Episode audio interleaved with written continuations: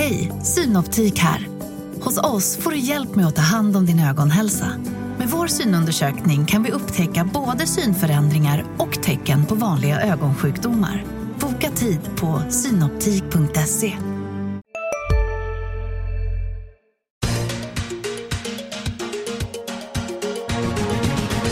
Hej och välkommen till vårpremiären av Makrorådet, podden där vi pratar om de viktiga sakerna inom ekonomin, det vill säga stora grejer. Eh, gäster idag är Anna Öster, chefsekonom på Länsförsäkringar och Olof Manner, analyschef på Swedbank. Välkomna båda två.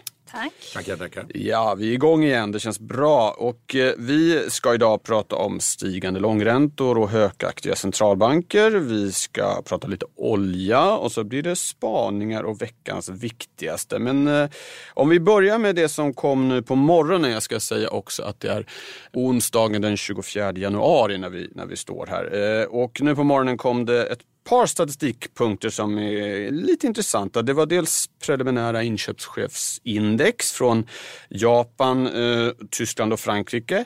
Det steg lite i Japan, det steg lite i Frankrike, det sjönk lite i Tyskland och det ligger kvar på bra höga nivåer. Eh, Anna, har du någon kommentar till det här? Är allt är bra, eller? Ja, överlag så känns det väl ändå som att det är, det är positiva signaler som fortsätter. Ja, ja.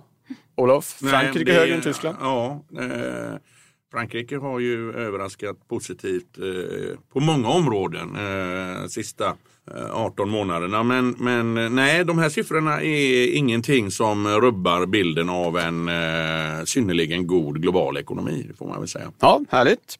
Eh, vi har också fått en ny mätning av inflationsförväntningarna. Det är Prospera som gör det på uppdrag av, av Riksbanken. Och, eh, det är, eh, var tredje månad så är det det så kallade stora Prospera med eh, arbetsmarknadens parter med mera. Men nu var det en liten Prospera med penningmarknadens aktörer och där var det eh, lite upp vad gäller inflationsförväntningarna på eh, alla löptider och de ligger där kring eh, två där Riksbanken vill ha dem. Är det samma där? Allt är bra? Ja, ja, på det stora hela. Ja. Jag tyckte man i senaste protokollet kunde skönja en viss oro kring inflationsförväntningarna ändå fortsatt. Eh, Absolut inte så stor som den har varit tidigare men ändå en, en liten skepticism kanske. Eh, Men på det stora hela så tycker jag väl att eh, utvecklingen ser stabil ut ändå. Mm. Olof, har du någon kommentar Nej, till jag, siffrorna? eh, min enda lilla kommentar är väl att inflationssiffrorna som har kommit ut då har varit något lägre än månaden innan. Så trots detta så stiger då inflationsförväntningarna om än väldigt lite. Men det tycker jag ändå är en positiv signal och någonting som Riksbanken torde uppskatta. Ja, bra. Globalt, man får väl säga det, att det är uppenbart att eh, marknadsprissättning på inflationsförväntningar om man breddar sig lite och tittar i Europa och USA och sådär så, så är de ju på uppgång. Så det är ju också såklart positivt för Sveriges del. Vi är ju trots allt en liten del av den globala utvecklingen där. Så det på Ja. väg åt rätt håll även där. Och nu Anna förde du oss på ett väldigt snyggt sätt eh, vidare till dagens första huvudämne kan man kanske säga, nämligen den här eh, ja, stigande inflationsförväntningar nämnde du. Vi har sett en eh, långränteuppgång framförallt i USA. Vi har sett en lite mer aggressiv prissättning vad gäller centralbanker. Eh, lite eh, rykten, uppgifter kring både ECB och även till och med Japan. Ett eh, protokoll från Riksbanken som eh, om något drog åt det hökaktiga hållet. Vad är det som eh, händer här i början på året? Man ska väl också säga att inte allt för sällan har det varit så här i just början på året. En allmän lite kanske riskyra eller vad man ska säga och då har man eh, räntorna stigit och så. Eller är det, är det större saker i görningen här? Anna kan inte du guida oss genom hela Alltså, det här, ju som röriga en- sjoket vill jag har säga presenterat Det var här? som en stor godispåse. Vad ska Ja, jag börja med? det- jag är väldigt glad att du ser det på det och sättet. Om jag, liksom, om jag börjar med något ämne nu, får jag fortsätta på något annat sen då? Så att jag hinner säga Ja, ja, eh, massor kör igång bara. grejer. Ja, nej, men jag tror ändå att det är lite mer på allvar den här gången än vad det har varit tidigare, de här bara första delen på året, eh, yra.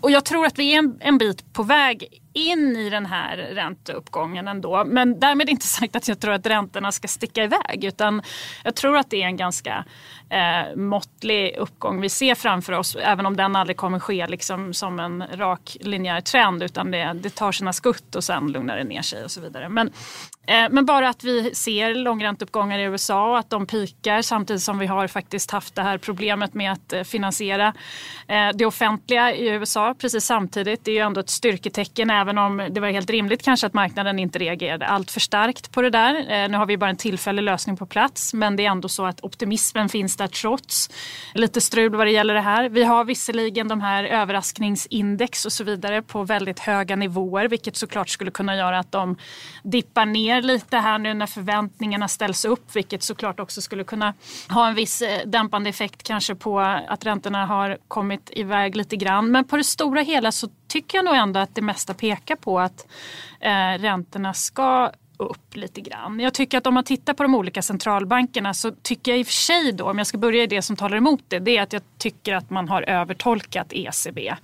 Eller övertolkat kanske är fel ord. Jag tror att det är någon typ av testballong de har skickat ut i sitt protokoll som de kommer att eh, tona ner lite imorgon. Det är min förväntan då inför ECB-beskedet imorgon. Eh, det man gjorde var ju att man eh, ganska tydligt sa i protokollet att det kanske är dags att fundera på formuleringarna kring den här forward guidance eh, i början på nästa år, alltså nu där mm. vi står. Och det tolkades ju av marknaden som att man var liksom på väg att och verkligen fundera på hur länge man ska hålla på med den här penningpolitiska expansionen som man är inne i. Det vi kan eh. säga där är att det finns ett nytt program som startade här vid årsskiftet mm. för köp och det löper till och med september, september. och sen är det inte riktigt sagt vad som ska Nej, hända och det precis. var det då man tänkte sig att ska de redan nu kanske Säga komma det, med besked? Ja. Ja. Och, och det känns ju jättetidigt. Varför skulle man vilja binda sig vid masten nu kring något besked om vad som ska ske i höst? Vilket gör att jag har inga förväntningar om att det här kommer ske. Jag tror att liksom budskapet från dem imorgon då kommer vara mjukare än vad liksom marknaden eh, ja, är oroad för. Då. Ja. Och därmed så tror jag att förväntningarna där kanske är lite högt ställda. Men i övrigt så ser jag ju fortsatta höjningar från Fed och jag ser ju en höjning från eh, Riksbanken till sommaren och så vidare. Så jag, jag, ser ändå räntehöjningarna framför mig. Mm. mm. Okay. Olof, det är ju många olika saker vi pratar om men den gemensamma nämnaren är i alla fall någon slags ränta-uppläge. Nej, men, eh, jag tycker väl att eh, Dr. Öster har lagt en bra eh, matta här som jag kan eh, hoppa in på. Ja. Eh, och vill väl tillägga några saker. Eh, från början då, så om man tittar på de centralbankerna inom vår referensram, de som vi brukar titta på, eh, Fed, ECB e med flera så är det väl så att eh, i alla fall så eh, kommer ju nästa förväntade åtgärd från de här centralbankerna att vara en höjning. Eh, vad det gäller QE och de här obligationsköpen så kommer ju nästa åtgärd från samtliga centralbanker, inklusive Riksbanken eller ECB, att vara antingen minskning av köpen, ett stopp på köpen eller som i USAs fall att man minskar ner balansräkningen. Eh, och det då ligger det ju nära till hands att tro, eh, speciellt som vi har noll eller minusräntor generellt, att vi nu faktiskt eh, är i slutet på en 25-årig räntenedgång. Och att räntorna nu är på väg åt andra hållet. Och jag delar Annas eh, syn på att det kommer inte gå fort. Men det är någonting som vi kanske kan diskutera senare i programmet, vad som skulle kunna få det att gå snabbare. Mm. Men det går inte fort, men det är ändå ett, eh, liksom, det är en fundamental eh, skillnad så tillvida att de är på väg upp efter att ha gått ner i 25 år. Och, och, det här tror jag inte ska underskattas. Sen eh, är ju eh, den stora, eller den eh, där räntorna har gått upp mest är naturligtvis USA. Så länge jag har handlat obligationer så har ju USA... Och det är lång tid. Ja, det, det får man allt säga vid det här laget. Ja, ja. Eh, så har ju eh, amerikanska räntor alltid varit lead. Det är alltid de som sätter riktningen. Vet man inte av några specifika skäl att räntorna skulle gå ner i Sverige och titta vad har hänt i omvärlden. Är räntorna uppe i USA? Ja, då ställer man upp räntorna i Sverige också.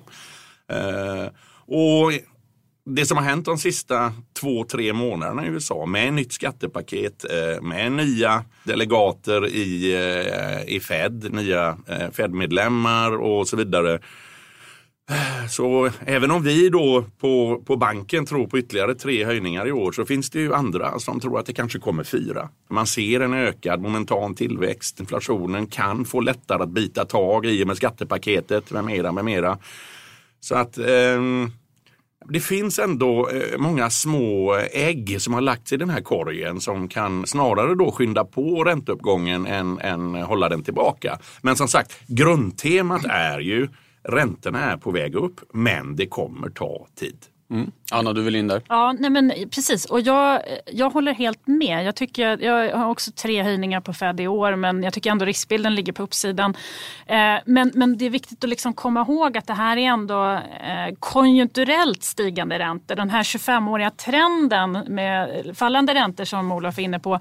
De strukturella anledningarna till att räntorna är låga som gör liksom att man måste ha väldigt låg ränta för att stimulera ekonomin eftersom de är liksom genomsnitt jämviktsräntan är väldigt låg.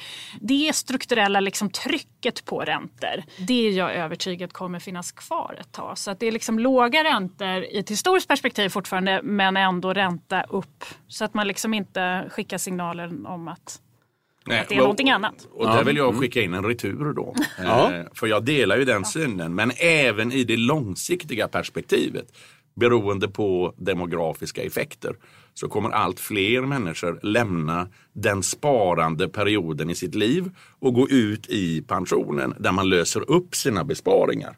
Och Det här är ett globalt fenomen, vilket över tiden, men nu pratar vi långa mm, tidscykler, mm, kanske tio år, ändå Minst. utifrån det perspektivet kommer att trycka upp realräntan.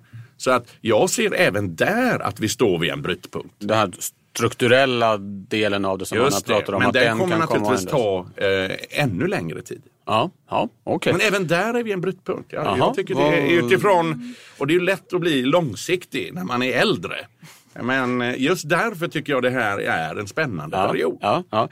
Om, om man bara får hålla kvar lite vid det här. Om vi tänker oss, men det här som ni beskriver nu, det har ju ändå marknaden varit inställda på att ja, men nu, nu sker ett skifte. Jag menar, Fed har ju, de har ju faktiskt hållit på höjt ett tag och så. Eh, och det som man känner nu lite är att det kanske har skett en, att man tänker sig att det här kommer gå lite snabbare än man har trott förut. Men, men eh, finns det ändå, liksom, är det här då vad marknaden har räknat med och som följaktligen är liksom inprisat i aktiekurser och obligationskurser och, och så vidare? Eller finns det liksom överraskningar här som kan stöka till det? Eller? Alltså, det som är inprisat på Fed nu, det har ju hänt en del på sistone men det är väl nästan 2,5, jag har inte kollat exakt här och nu då, men på ett ungefär 2,5 höjning i år skulle jag tro. Eh, och om man tror på tre då så är det ju inte jättemycket kvar ja. där. Men risksidan som sagt tycker jag ändå ligger, ligger, ligger uppåt. Eh, så att det skulle kunna bli en fjärde. Vi får väl se om det kommer en redan här nu i mars. Då tycker jag att risken är påtaglig att de kanske går lite snabbare fram än vad jag också hade räknat med. Medan som sagt på ECB som jag var inne på på så tror jag att förväntningarna ligger lite väl högt. De har eh, fortsatt, även om liksom Europa verkligen har överraskat på uppsidan och det går betydligt bättre där så, så är inflationen fortfarande väldigt låg och det känns konstigt att ECB skulle liksom släppa taget nu efter all möda man har lagt ner på att försöka ja, få upp ja. den här så släpper man inte taget på en gång nu då, det tror jag inte. Men så där, där finns det väl potential på överraskningar åt båda hållen då. Att det skulle kunna bli mer från Fed med tanke på också det vi pratar om skattereformen, väldigt svår överblickbar att se hur den faller ut i en ekonomi som redan är i ett högt resursutnyttjande. Mm. Där man stimulerar ytterligare då med, med den här reformen. Ja, väldigt svårt att bedöma helt enkelt vilken inflation det ska skapa. Ehm, Medan ECB så skulle jag tycka att det ligger åt andra hållet. Mm. Olof, har du någon kort Nej, kommentar? På inte mer än att du pratar överlastningar så, så uh, är det någonting både eh, den amerikanska centralbanken Fed och den europeiska centralbanken ECB har lärt sig så är det ju att massera väldigt noga muntligen det man har tänkt att göra. Eh, bägge har ju så att säga vid några tillfällen överraskat marknaden. De har diskuterat eh, att upphöra med QE och det har blivit eh, eh, väldigt stora effekter i marknaden. Så det har man testat så att man kommer att vara så att säga eh, framåtseende. Man kommer att massera in det här. Man vill inte överraska marknaden om man inte behöver. Ja. Då lämnar vi det för nu och eh, ska titta lite på råvarumarknaden, närmare bestämt på oljepriset som ju har dragit iväg lite den senaste tiden. Uppe på 70 eh, dollar fatet nu, högsta på flera år. Tidigare var ju oljan sån där som man liksom tittar mycket på när det gäller konjunktur och inflationsutsikter. Känslan är väl att det, betydelsen har, har minskat lite grann. Vad tänker du kring den här uppgången Olof? Det är ju ändå men det är inte så länge sedan det var nere på 28 dollar fatet. Nej, och då om vi ska vara ärliga så var ju oljan en riktig snackis. Både på den nivån och framförallt eh, under resan ner från 110 dollar per fat till mm. 28. Mm. Nu beroende på, eh, skulle jag vilja säga, en, en, stark återhämtning i den globala konjunkturen, beroende på produktionsöverenskommelser då mellan OPEC och Ryssland, beroende på lite andra produktionsproblem i Venezuela men även eh, partiellt i Mellanöstern så har ju så att säga eh, det har varit utbudsproblem vilket då då medfört det att oljepriset har kommit tillbaka. Sen finns det ju vid varje, när priset stiger då aktiverar man också en mängd riggar, olje, oljeriggar, framförallt i USA som har legat i malpåse som inte var lönsamma vid ett lägre pris. Så att ju högre pris, ju fler eh, riggar sätter igång igen utbudet ökar och man får en utjämning. De flesta prognosmakare vad det, vad det gäller konjunkturen är ju ganska bullish för i år men sen ser man så att säga en temporär avmattning 19 Eh, samtidigt som eh, utbudet då kan öka. Och det gör ju liksom att, att eh, jag tror att de flesta nog ändå ser en, en, en, någon, någonstans en avmattning även på oljepriset. På banken gör vi det. Vi har ett snittpris på ungefär 64 dollar per fat i år, vilket sjunker ner mot 58-59 under 19 beroende på faktorer som jag har gått igenom.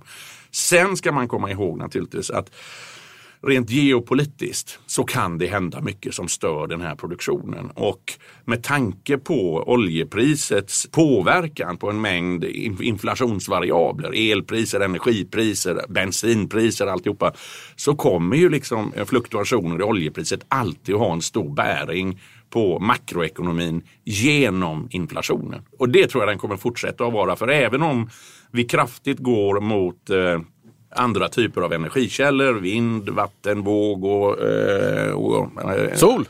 Och sol. Så, så kommer ju eh, oljepriset att vara så att säga, den dominerande källan under, eller kolbaserade bränslen vara den dominerande energikällan under en översiktlig tid framöver. Så är det ju. Mm. Så att huvudscenariot för er del i alla fall är att det inte stiger så mycket mer än till de här nivåerna kring 70 dollar fatet och att det börjar liksom snarast sjunka lite. Det är korrekt då, eh, oaktat de oklädda geopolitiska korten ja. som alltid ligger. Hej, Ulf Kristersson här. På många sätt är det en mörk tid vi lever i. Men nu tar vi ett stort steg för att göra Sverige till en tryggare och säkrare plats. Sverige är nu medlem i Nato. En för alla, alla för en. Har du också valt att bli egen? Då är det viktigt att skaffa en bra företagsförsäkring. Hos oss är alla småföretag stora och inga frågor för små. Swedeas företagsförsäkring är anpassad för mindre företag och täcker även sånt som din hemförsäkring inte täcker. Gå in på swedea.se företag och jämför själv på bordet. Alltid, inte minst när det gäller oljan. Nej, där man alltid ska passa sig då för exakt den där typen av utsagelser för det är då det händer något. Ja men det är sen gammalt. Nej men alltså ja. det är ju otroligt, det ingår.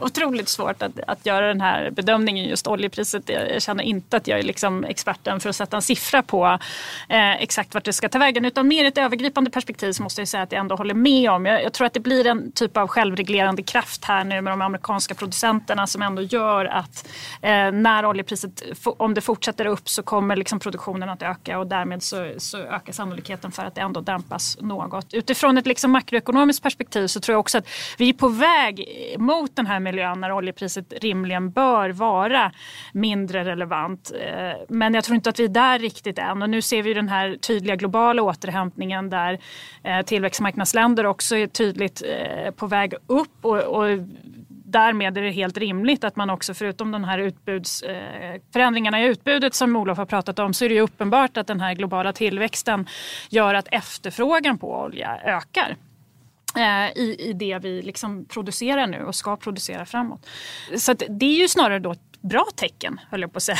Att, Just de stiger av det- rätt skäl, delvis i alla fall av ja, rätt skäl. delvis Ja, åtminstone ja, att det inte bara är utbudsbyte ja. här utan att det är en tydlig efterfrågeeffekt i det. Mm. Eh, och det är ju en positiv signal. Det får inte stiga för mycket för då kan ju det bli hämmande såklart för den eh, globala återhämtningen. Om, det, om vi skulle få någon typ av sån här kraftig korrektion på grund av en utbudsrestriktion mitt i det här. Alltså om vi får någon typ av Mellanösternkonflikt som verkligen får stora eh, konsekvenser för oljeproduktionen. Så att, då skulle ju det kunna sätta käppar i hjulet för den här globala återhämtningen. Eh, men men det, det är ingenting som man lägger en prognos på här och nu kanske. Men det är, det är klart en riskfaktor. Vad det gäller inflationsutsikterna som Olof var inne på lite grann också så, så hoppas man ju att eh, centralbankerna inte är så desperata att leta efter inflation så att det räcker med att energipriserna kommer upp nu och så är man hemma med inflationen och kan våga liksom börja höja lite utan det är den underliggande inflationen såklart som de ska söka efter och ECB till exempel det är ju där vi har uppenbara problem att kärninflationen är fortsatt väldigt låg och därmed så tror jag inte att de kommer att agera i närtid. Eh, och jag hoppas verkligen inte att energipriserna kommer att påverka i någon större utsträckning. Däremot, så, och det, jag tolkade inte dig som det heller Olof, men däremot så skulle man ju kunna tänka sig att det ändå påverkar inflationsförväntningarna. Eh, För att det, det känns inte riktigt som att inflationsförväntningarna är en sån transparent... det, det är inte så lätt att förstå alltid vad som påverkar dem. Och inflationsförväntningarna kan påverkas av mer såna här kortsiktiga fluktuationer än, än vad man egentligen kanske tycker att de borde göra. Eh, så att det är väl egentligen de, den enda delen som jag tänker blir intressant att följa. Om, om det här får inflationsförväntningarna att fortsätta upp i en tydlig utsträckning så kan ju det i sin tur få centralbankerna att känna sig betydligt mer bekväma i den här miljön. För att de är ju mycket viktigare egentligen än spottinflationen här och nu. Om vi liksom kan känna ett förtroende för att, eh, att det finns det finns då ett förtroende igen för, för de här inflationsmålen. Ja, ja, Och det tolkar vi via inflationsförväntningarna. Så, så kan vi få mer avslappnade centralbanker. Så där kan det ha effekt, tänker jag mig. Ja, bra, tack för det. Vi går vidare till spaningen. Ni har grubblat där hemma och eh, ska leverera intressanta tankar. Nu har jag höjt ribban lite grann här och eh, Olof, du har ju hoppat över höga ribbor förut. Varsågod och börja. Och rivit eh, i många fall också. Det är inte eh, nödvändigt att ta upp det. Nej, jag ska göra ett försök vilket Ja, som helst. tack. Eh, Och det kopplar ju in lite i diskussionen vi hade om eh, centralbanker och räntor. Och innan jag går loss då så vill jag ju starkt betona att jag nu inte kommer sitta och skrika vargen kommer. Eh, Men jag vill ändå peka på någonting som jag funderar på och det är väl eh, det spaningen egentligen ska eh, innehålla. Korrekt. Då är det ju så att vi, som vi har varit inne på, räntorna har gått ner under lång tid. En effekt utav centralbankernas likvidisering av marknaden, man har tryckt upp pengar, köpt obligationer och så vidare, har gjort att volatiliteten eh, på marknaden har varit låg. Det vill säga räntorna har rört sig väldigt lite mot eh, vad de har gjort historiskt. Eh, samtidigt så har vi då under en ganska lång period sugit in och anpassat oss till nya regelverk. Baselregelverk, nu i januari Mifid-regelverken. De här regelverken har kommit att påverka likviditeten. Det tror man, men det har inte testats ännu i verkligheten. Banker generellt har en mindre förmåga idag att eh, ligga med stora innehav av obligationer beroende på kapitaltäckningskrav och annat. Riksbanken äger eh, drygt 40 procent av den svenska obligationsstocken. Eh, sen sitter det många andra förvaltare som på grund av sina placeringsregler alltid har en stor mängd statsobligationer. Så den fria floaten på marknaden blir mindre och mindre. Någonting som för övrigt togs upp i andra kammaren i riksdagen igår när Riksgälden, eh, Finansinspektionen, Finansdepartementet och Riksbanken var där och pratade om bland annat marknaden. Och sen har vi då Mifid-regelverken som jag varit inne på som gör prisställarprocesserna längre och mer komplicerade. För all del för ett gott syfte. Men det gör det lite jobbigare och man måste vara mer transparent när man ställer priserna. När man lägger ihop de här riskerna så blir jag naturligtvis nyfiken på vad händer om och när marknaden någon gång bestämmer sig för att sälja av obligationer i en miljö där generellt investerarna ligger väldigt långa i duration, det vill säga de har obligationer med lång löptid för de har jagat avkastning under en lång tid när pengar har funnits på bordet och räntorna har varit låga. Så, Kan vi säga ja, att lång duration ökar känsligheten? Ja, det, gör, det ökar risken i obligationerna. Mm. Det vill säga om räntorna går upp så gör det betydligt, man förlorar mer pengar om man har en hög duration eller en längre löptid. Ja, bra. Och eh, det är klart att jag ändå funderar på summan av att vi står, eh, som jag då tror, i en räntebotten, även om räntorna kommer att gå upp långsamt. Eh, men det faktum att vi står inför en räntor upp-miljö samtidigt som volatiliteten har varit konstlat låg samtidigt som jag misstänker att likviditeten beroende på nya regelverk eh, kan ha eroderats. Så att jag skriker inte vargen kommer men det ska bli intressant att se hur marknaden hanterar den gången eh, man vill sälja av mycket risk. Kan man tänka sig att det skulle kunna bli någon liten catch-up-effekt då? Här Ja, det är ju, eh, jag förstår vad du fiskar efter men jag tycker ändå jag har lagt tillräckligt mycket grund eh, för att så att säga lämna tanken och spekulationen fri. Ja, Okej, så att ni där ute som vill spekulera i att det här kan leda till en catch-up-effekt på räntorna, ni kan spekulera i det. Men Olof har inte sagt det. Nej. Ja, bra, tack. Eh, Anna, eh, någon tanke kring den här? Nej, men alltså, det ju, ligger ju inte i huvudscenariot och, och det gör det ju inte för Olof heller. Vi har ju diskuterat det här med att, vi, eller jag tror ju ändå att liksom, eh, ränteuppgången kommer bli måttlig och att det finns ganska tydliga krafter som håller ner räntorna ändå. Men det är klart att det här är någonting som måste diskuteras och det är ju också återigen för att ta Riksbankens senaste protokoll. Det nämndes ju faktiskt där huruvida man kan fundera på om likviditeten eh, eller funktionen på marknaden för statsobligationer faktiskt har blivit mycket sämre. Och man, eh, vi sitter ju en liten intressant eh, liksom, sits där nu med överskott eh, i statens finanser och Riksgälden eh, är, liksom, har dragit ner på emissionerna och kanske tvingas göra det igen samtidigt som ju Riksbanken fortsätter att köpa eftersom de köper upp för de här förfallen som kommer nästa år. Så att vi squeezar ju marknaden på det sättet. Så att, och, och, det är klart att det är en diskussion som behöver föras. Hur, hur långt man kan dra det här och när man vill ha en fortsatt fungerande marknad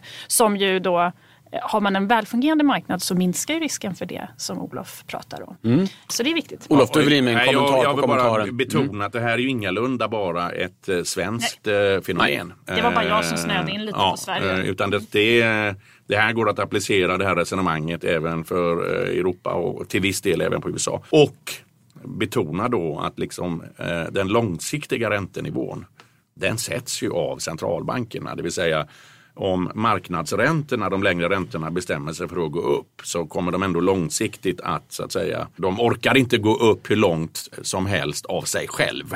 Utan det är ju förväntningarna om styrräntan och centralbankerna som i slutändan avgör nivån även för de långa räntorna. Men de kan, eh, vet man från historien, röra sig ganska mycket. Mm. Och så har vi då de här Trots- nya, nya regelverken som inte är testade i Trots hårt att väder. Riksbanken inte gör någonting eller andra Ja, centralbanker. ja. Bra, tackar för det. Anna, vad har du med dig för spaning? Ja, det, jag går från liksom marknaden till väldigt makroorienterad Ja. spaning. Då. Eh, så det, det, blir, det blir en bra spridning på Från dem. Men- salt till sött. Ja, ja det, det var du som sa det höll jag på att säga. Men, men jag är lite intresserad av det här återigen. Jag har pratat om det tidigare. Men hur vi ska fundera på hur mycket pengar regeringen egentligen har att spendera. Det här reformutrymmet som man definierar inför varje år. Nu, nu har vi ju en budget som är igång för det här året. Så det här är inte relevant här och nu. Men det är klart vi kommer in i en valrörelse där det blir intressant att fundera på vad eh, de olika partierna tycker sig ha för pengar att spendera och så vidare. Men det här är ju en mer långsiktig fråga. Vi har ett finanspolitiskt ramverk som vi ska förhålla oss till som gör att vi helt enkelt inte ska spendera mer pengar än vad vi har i det långa loppet. Och vi har ju också tänkt oss att vi, eh, det här är ju under omformning. Eh, vi har ju haft ett överskottsmål som nu ska definieras om inför nästa år. Men det är fortfarande ett, en definition om att vi ska ha ett överskott eh, över en konjunkturcykel då för att vi liksom inte ska få på spenderbyxorna för mycket och öka på statsskulden. Det är verkligen inte ett, ett problem vi har nu. Den minskar ju och det ser väldigt bra ut. Men eh, de här ramverken är ju till för att man inte ska just i sådana här goda tider tänka sig att "Ja, men nu ser det så himla bra ut och stabilt. Så att nu kan vi väl ändå spendera lite mer. Utan de är ju till för att liksom sätta något, någon typ av ram utifrån hur vi får bete oss. Och eh, det här överskottsmålet då som är definierat, där måste man ju på något vis göra en bedömning av konjunkturen. Eh, och det kan ju tyckas vara ganska enkelt. Men när man grottar ner i det så är det ju väldigt svårt att bedöma eh, liksom om man är i en högkonjunktur eller inte. Hur stor den högkonjunkturen är, höll jag på att säga. Och på vilket sätt man då måste förhålla sig till det när man ska spendera pengar. I en högkonjunktur ska man ju rimligen då spara pengar pengar och i en lågkonjunktur så ska, ska man kunna använda pengarna. Eh, men även över en hel konjunkturcykel, då, en hel högkonjunktur och en hel lågkonjunktur så ska det vara ett överskott och då ska man förhålla sig det, för, eller till det varje enskilt år. Eh, och jag har tidigare pratat om hur olika de här bedömningarna är. Konjunkturinstitutet gör ju en helt annan bedömning än regeringen och skulle man gå på Konjunkturinstitutet skulle vi, regeringen ha mycket mindre pengar att spendera än vad de själva tycker sig ha.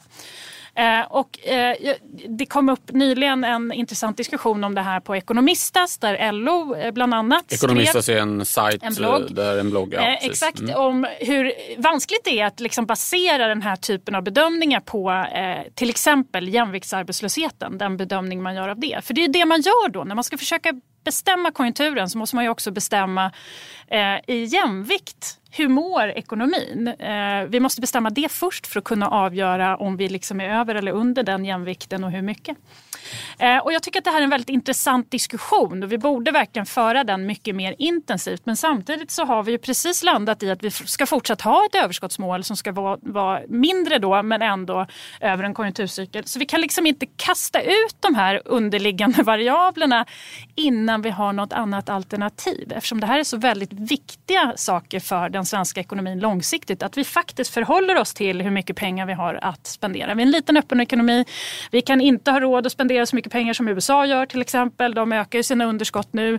Skulle vi göra motsvarande som de gör så skulle ju förtroendet på marknaden eh, försvinna ganska fort för den svenska ekonomin. Så vi har inte alls samma utrymme där. Det är väldigt viktigt för oss att ha det här ramverket. Så därför så eh, är liksom spaningen bara det att jag hoppas verkligen att vi ska diskutera de här väldigt insnöade frågorna kring hur vi ska definiera konjunkturen framåt. Men vi kan liksom inte bara skjuta det åt sidan och säga att det inte finns tillräckligt bra bedömningar om vi ska ha kvar liksom ramverket som det ser ut. För det är för viktigt för det.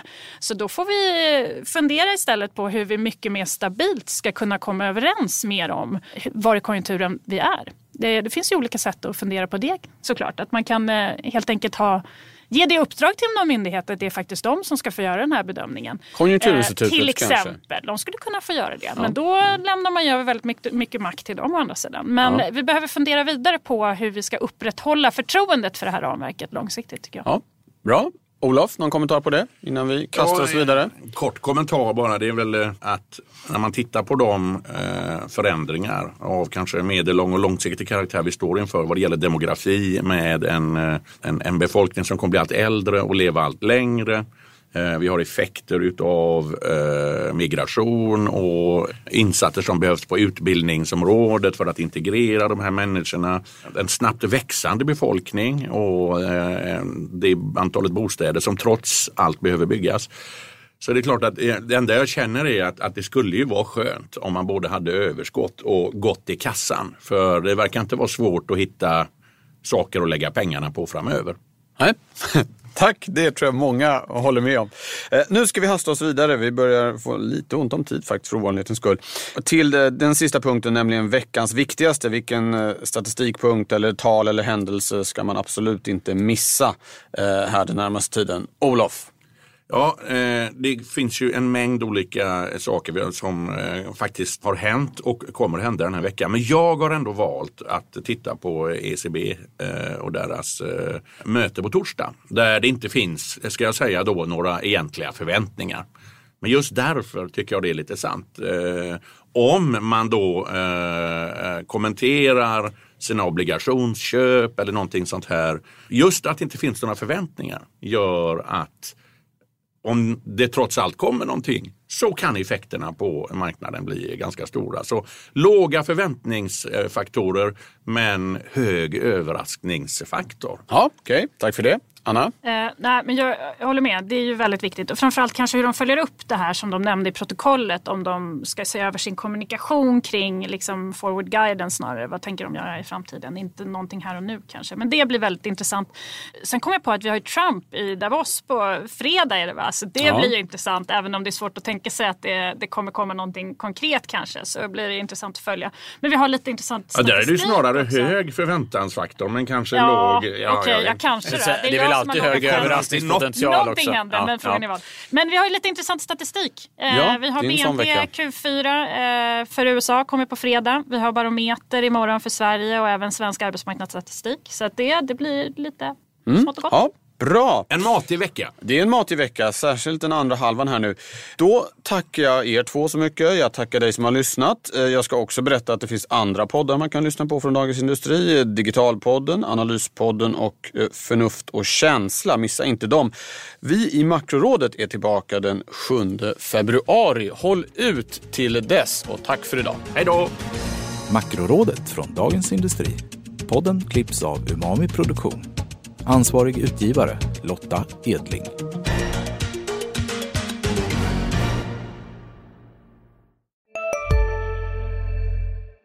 Hej, Susanne Axel här. När du gör som jag och listar dig på en av Krys vårdcentraler får du en fast läkarkontakt som kan din sjukdomshistoria. Du får träffa erfarna specialister, tillgång till lättakuten och så kan du chatta med vårdpersonalen. Så gör ditt viktigaste val idag, lista dig hos Kry. En nyhet. Nu kan du teckna livförsäkring hos Trygg-Hansa. Den ger dina nära ersättning som kan användas på det sätt som hjälper bäst. En försäkring för dig och till de som älskar dig. Läs mer och teckna på trygghansa.se. Trygg Hansa. Trygghet för livet.